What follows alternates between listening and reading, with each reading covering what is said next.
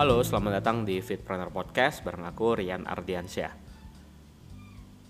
Terima kasih teman-teman udah ngedengerin Fitpreneur Podcast. Gak kerasa udah di episode keempat. Fitpreneur Podcast akan selalu update ya, diusahakan update di hari Sabtu di jam 11 siang. Jadi buat teman-teman yang mungkin ngerasa Fitpreneur Podcast memberikan insight yang baik untuk teman-teman ya, boleh ya didengerin terus di setiap hari Sabtu di jam 11 siang.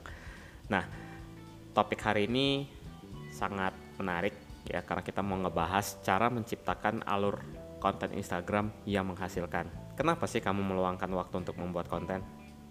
Kalau saya ditanya seperti itu, kalau saya ya ingin menghasilkan uang.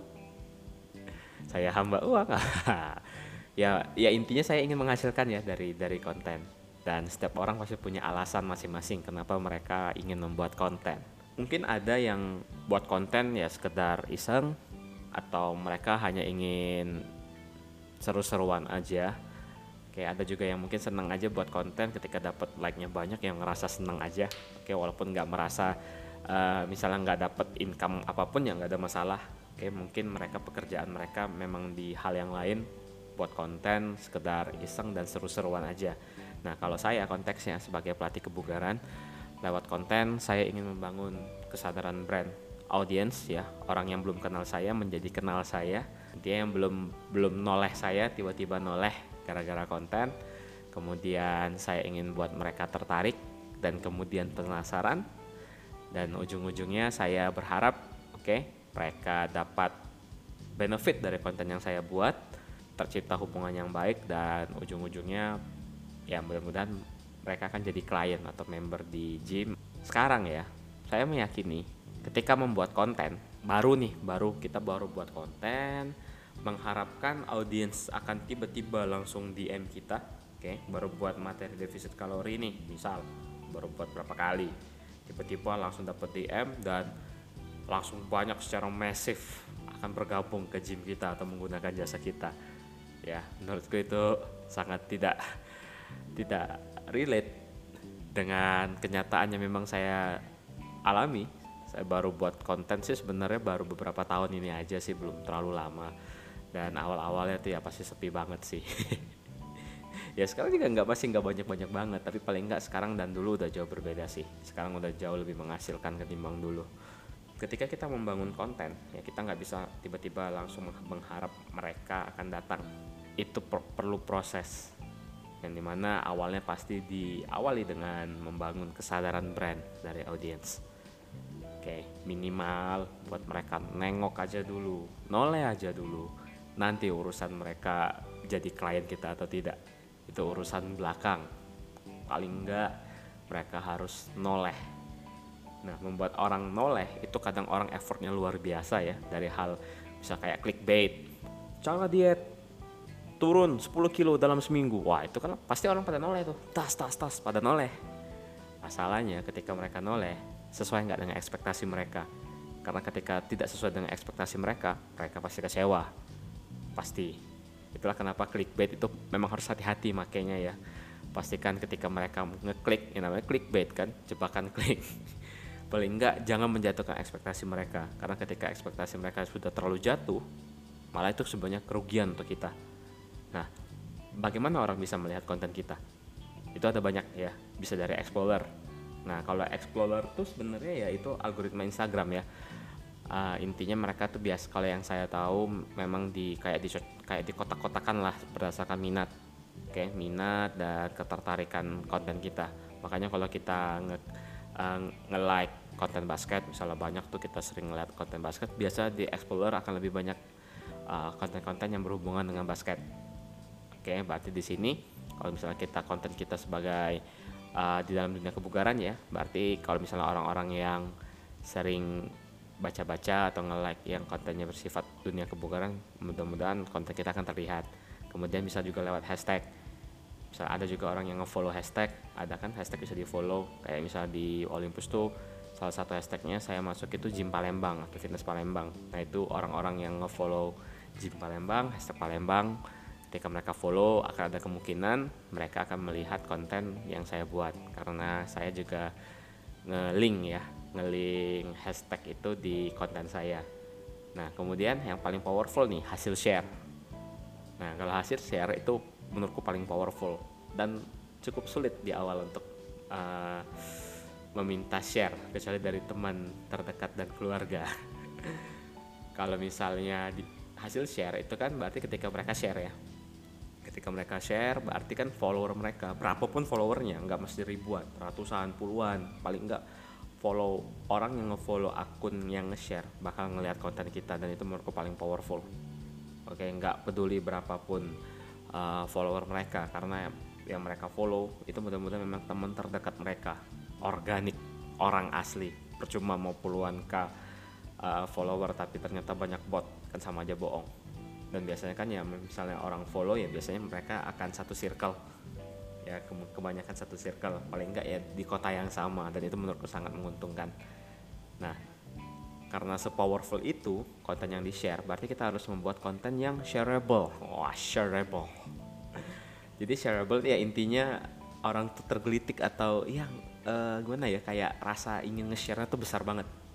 Nah itu penting. Kita harus memikirkan membuat konten-konten seperti itu hal yang paling sederhana membuat konten yang shareable itu adalah membuat konten yang relate dengan keadaan audiens. Oke, okay? misalnya dalam konteksnya kita sebagai di dunia kebugaran ya, pelatih kebugaran berarti kita nggak jauh-jauh dari latihan dan diet. Nah, bisa aja kayak buat konten udah olahraga, udah olahraga mati-matian tapi nggak turun berat badan. Nah, itu kan juga pertanyaan banyak orang ya, orang juga merasakan hal yang sama. Banyak mungkin di luar sana banyak rasakan Nah, ketika kita buat konten seperti itu, mereka akan relate. Oh iya ya, saya ngerasain ini dan paling enggak mereka akan tertarik dan ketika mereka baca sesuai ekspektasi mereka, mereka dapat informasi yang oh akhirnya mereka mau mengangguk. Oh, ternyata begitu. Nah, biasanya mereka akan tertarik untuk nge-share. Kurang lebih rumusnya begitu. Ya, cari cari cari masalah yang relate, yang sederhana aja yang ada di sekeliling kita. Usahakan kita bisa memberikan solusi yang masuk akal dan ketika memang mereka merasa itu masuk akal dan bisa menjadi solusi biasanya mereka akan share dengan sendirinya dengan sukarela. Udah di share nih udah banyak yang nge-share.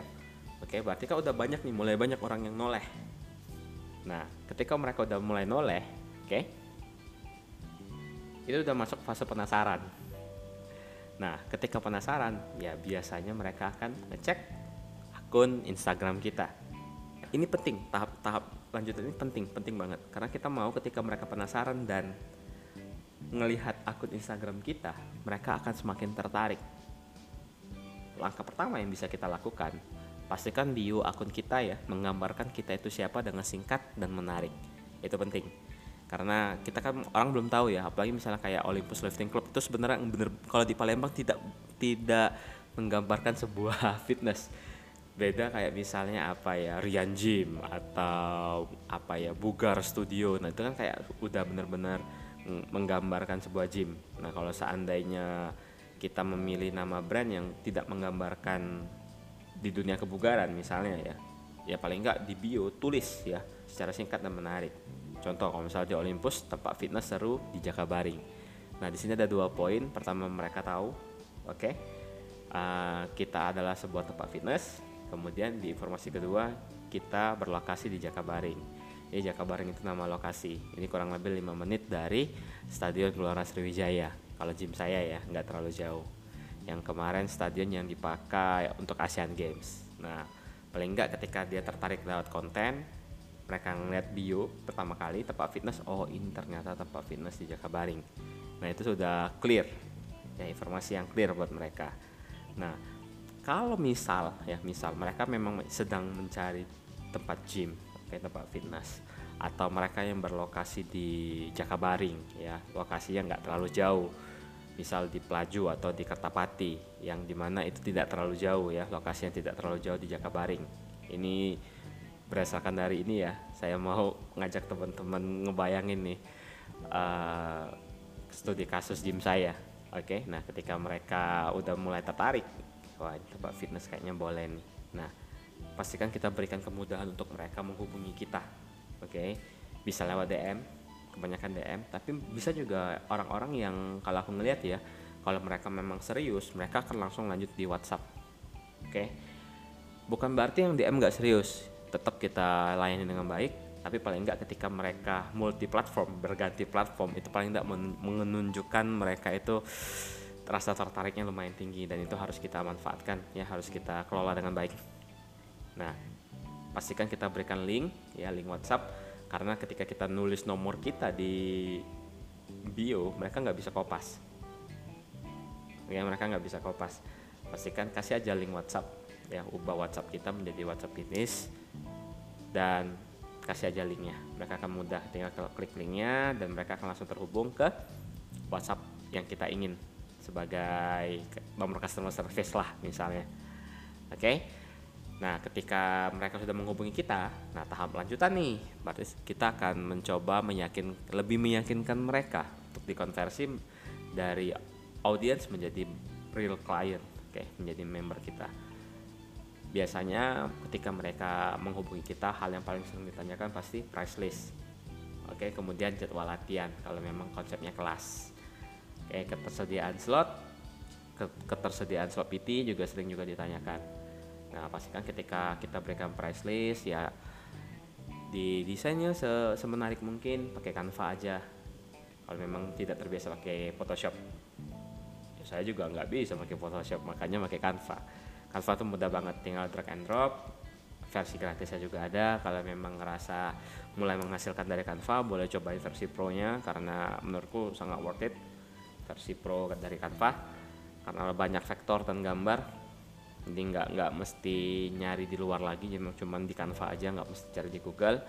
Kemudian ketika mereka bertanya ya jawablah seinformatif mungkin dan tidak bertele-tele oke kemudian jika kita punya link kayak link apa pun misalnya kita punya blog atau misal kalau saya ingin memperlihatkan website saya ya silakan untuk dikasih ke mereka. Oke boleh langsung ditawarkan saja atau bisa kamu tutup ketika uh, chat terakhir. Jadi dilampirkan aja misalnya terima kasih sudah menghubungi kami. Uh, kalau misalnya bapak atau ibu atau kakak atau adik ingin mengunjungi blog kami ini ini blognya. Dan dengan mereka ngeliat ya paling enggak lebih meyakinkan mereka kalau memang ada blog, portofolio dan apa pun itu. Oke, silakan dikasih agar lebih meyakinkan mereka. Kemudian berikan kemudahan pembayaran, bisa lewat transfer, bisa lewat mesin edisi atau bisa langsung bayar di gym. Oke, bayar tunai maksudnya langsung di gym. Semakin mudah mereka melakukan pembayaran, ya itu menjadi nilai plus juga untuk kita. Kemudian terakhir kan audiens yang istilahnya tertarik lewat konten ya lewat konten kita ngebangun kesadaran brands dan audiens menjadi klien dan ujung-ujungnya akan menghasilkan uang untuk kita. Oke? Okay? dan pastikan karena mereka sudah memberikan uang untuk kita kita bantu semaksimal mungkin. Karena di harapan mereka kita bisa membantu mereka untuk mencapai fitness goalsnya. Ya sekali lagi ini ranah kita di dunia kebugaran. Ya usahakan tidak mengecewakan mereka lah. Oke? Kita bantu semaksimal mungkin. Nah cara kerja kita ya sebagai pelaku industri kebugaran yang di sini aku lebih tekankan di offline ya offline training di mana kita mendapatkan klien secara offline kita dibayar secara offline mengajar secara offline. Nah ada perbedaan dengan fitness konsep fitness influencer. Oke di mana kalau fitness influencer kan rata-rata memiliki follower yang luar biasa. Kalau mereka sekali like sekali ngepost konten mungkin komennya luar biasa banyak nah biasanya kita yang baru mulai membuat konten ngeliat itu kayak ngerasa minder aja. Sama aku kalau aku ya kalau aku ngerasa ngerasa minder aja sih. Kalau dulu ya pertama kali kayak waduh mereka tuh jauh lebih baik ngebangun konten ngebahas defisit kalori misalnya. Jauh lebih lengkap jauh lebih baik. Kayak rasanya minder aja sih ketika aku mau buat konten uh, defisit kalori juga. Nah padahal ya kita tuh model bisnisnya beda banget oke? Okay? walaupun kita cuman dapat ya misal follower kita nggak nyampe seribu lah misalnya. Belum tentu kita nggak bisa menghasilkan dari follower yang istilahnya nggak seberapa itu. Karena ingat sekali lagi kita fokusnya di offline. Oke okay? bayangkan kalau misalnya dari dari 100 100 orang misalnya 200 orang lah 200 200 orang follower kita 20 orang aja jadi klien kita tuh udah luar biasa kan? 20 orang aja jadi klien kita itu udah ngap-ngap kita ngajar ya misalnya PT atau kelas kan udah lumayan banget. Jadi nggak nggak masalah walaupun kita nggak dapat like yang banyak nggak komen yang banyak follower yang nggak banyak ya selama menghasilkan kenapa harus pusing? Kenapa harus sedih? Nah tapi memang ada sedikit kesamaan. Kita juga harus tetap menganalisa insight Instagram di mana pasti fitness influencer juga pasti menganalisa insight.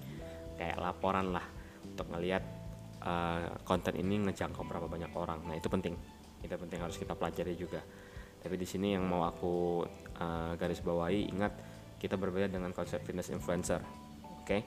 mereka wajar punya audiens yang banyak follower yang banyak like yang banyak oke okay? uh, memang mereka dengan seperti itu kan followernya semakin banyak otomatis kan bisa mendatangkan sponsor atau endorsement yang besar juga nah mereka memang bisnis modelnya di sana dan sedangkan kita memang mengincar klien yang datang langsung ke menggunakan jasa kita secara offline Oke, jadi nggak nggak perlu khawatir ya dengan berapapun udah buat konten uh, istilahnya yang follow dikit nggak masalah. Paling nggak mereka tahu kalau kita tuh sebagai fitness trainer ya atau fitness coach lewat konten. Membangun kesalahan brand itu kuncinya. Oke? Okay? kalau saya kalau saya ya kalau saya pribadi menilai apakah konten saya itu cukup baik ya. Misalnya kan saya buat beberapa konten saya evaluasi bagaimana saya tahu kalau konten itu cukup baik oke udah sesuai udah on track lah istilahnya. Misalnya kalau saya ya kalau saya itu fokus pada audiens yang datang. Di mana ada aja misalnya orang yang tertarik lewat konten tiba-tiba langsung datang ke gym. Misalnya bisa janjian bisa enggak. Nah itu saya catat saya minta tolong orang admin saya untuk catat eh, kayak buku tamu lah list tamu untuk mereka uh, menuliskan nama dan alamat. Dari situ paling nggak saya tahu berarti campaign saya ya uh, konten saya iklan saya berarti cukup baik. Oke semakin banyak yang datang berarti kan semakin banyak yang tertarik. Ya datang aja nih belum menjadi klien belum belum menjadi member belum oke? Mungkin misalnya dari 10 orang yang datang mungkin satu dua lah sekarang masih masih rate nya kurang lebih segitu. Dan itu udah bagus banget sih menurut aku oke? Kadang mereka tuh datang mereka tuh udah tertarik tapi mereka tuh perlu diyakinkan kembali ya udah itu bukan bukan urusan kita sih sebenarnya. Tapi paling enggak kita udah buat mereka tahu kalau di sini ada gym. Kayak urusan mereka akan menjadi klien saat ini atau belum ya itu gak usah dipikirin. Kemudian saya juga ngedata klien yang menghubungi kita secara langsung ya lewat WhatsApp atau Instagram dari message. Kemudian saya juga ngedata uh, seberapa banyak audiens yang sudah resmi. Saya bergabung bersama Olympus. Saya akan cek dalam setiap bulan uh, berapa orang sih yang orang baru ya bukan orang perpanjang orang baru yang benar-benar bergabung. Nah dari tiga itu yang datang yang menghubungi kemudian yang benar-benar menjadi itu itu bisa menjadi bahan evaluasi. Kira-kira kontennya udah cukup baik atau belum? Oke model konten sudah cukup baik atau belum? Kalau saya merasa cukup baik ya berarti nggak dilanjutkan saja atau diimprove saja. Tapi kalau misalnya dirasa agak bulan ini agak berkurang kalau dinilai kontennya kayaknya kurang ini dari reachnya kurang begitu banyak berarti kurang diminati ya sudah kita coba cari uh, konsep konten yang lain aja Oke, dan dievaluasi kembali sekali lagi walaupun ya teman-teman likes nggak banyak follower nggak banyak selama memang menghasilkan berarti menurut konten kita tuh udah oke okay. sebagai penutup kalau kita berfokus pada mengajar klien secara offline maka kita penting ya untuk mengatur kalau aku nyebutnya sih audience flow kayak arah audience. Ya kita harus ngerti mereka awalnya itu nggak tahu siapa kita buat mereka nengok buat mereka noleh terlebih dahulu. Ketika noleh buat mereka tertarik ketika udah tertarik buat mereka penasaran dan ujung-ujungnya dikonversi menjadi klien. Oke kurang lebih seperti itu. Jadi membuat konten yang menghasilkan ya berarti menurut saya ya konten yang menghasilkan itu bisa memberikan manfaat berupa nilai materi oke okay, berupa uang misalnya atau paling enggak bisa membangun kesadaran brand kita terhadap mereka oke. Okay, paling tidak kita ditemukan kita ngapung lah ke permukaan terlihat oleh orang dan ketika orang tahu kita seorang fitness trainer kita cukup berkompeten ya lewat konten yang kita buat punya reputasi yang cukup baik lah membantu mereka juga apa sih banyak yang kebantu ketika kita membuat konten oke okay?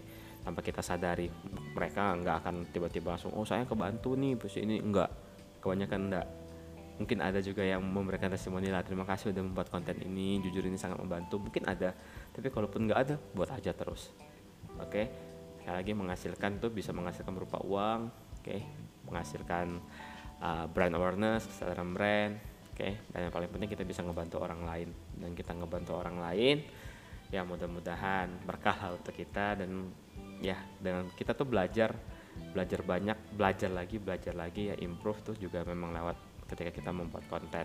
Oke jadi jangan kita sebagai pelatih kebugaran tuh jangan males ya buat konten. Konten apa pun mau sesederhana apa pun jangan pernah ngerasa konten yang kita buat itu kayak kroco banget nggak usah nggak usah pikirin seperti itu oke buat aja yang mau yang kamu suka buat aja yang menurut kamu bisa membantu orang semakin sering kita buat kita akan semakin baik ya semakin terbiasa lama kelamaan brand kita akan semakin dikenal dan ya itu tadi akan menjadi keuntungan buat kita. Oke, terima kasih sudah mendengarkan Fit Planner Podcast di episode keempat. Semoga ada yang bisa dipelajari, ada yang bisa diambil uh, materinya dan bisa langsung dipraktekkan. Oke, sekali lagi curi aja, ya contek aja dan modifikasi. Oke, semoga bermanfaat. Terima kasih. Bye bye.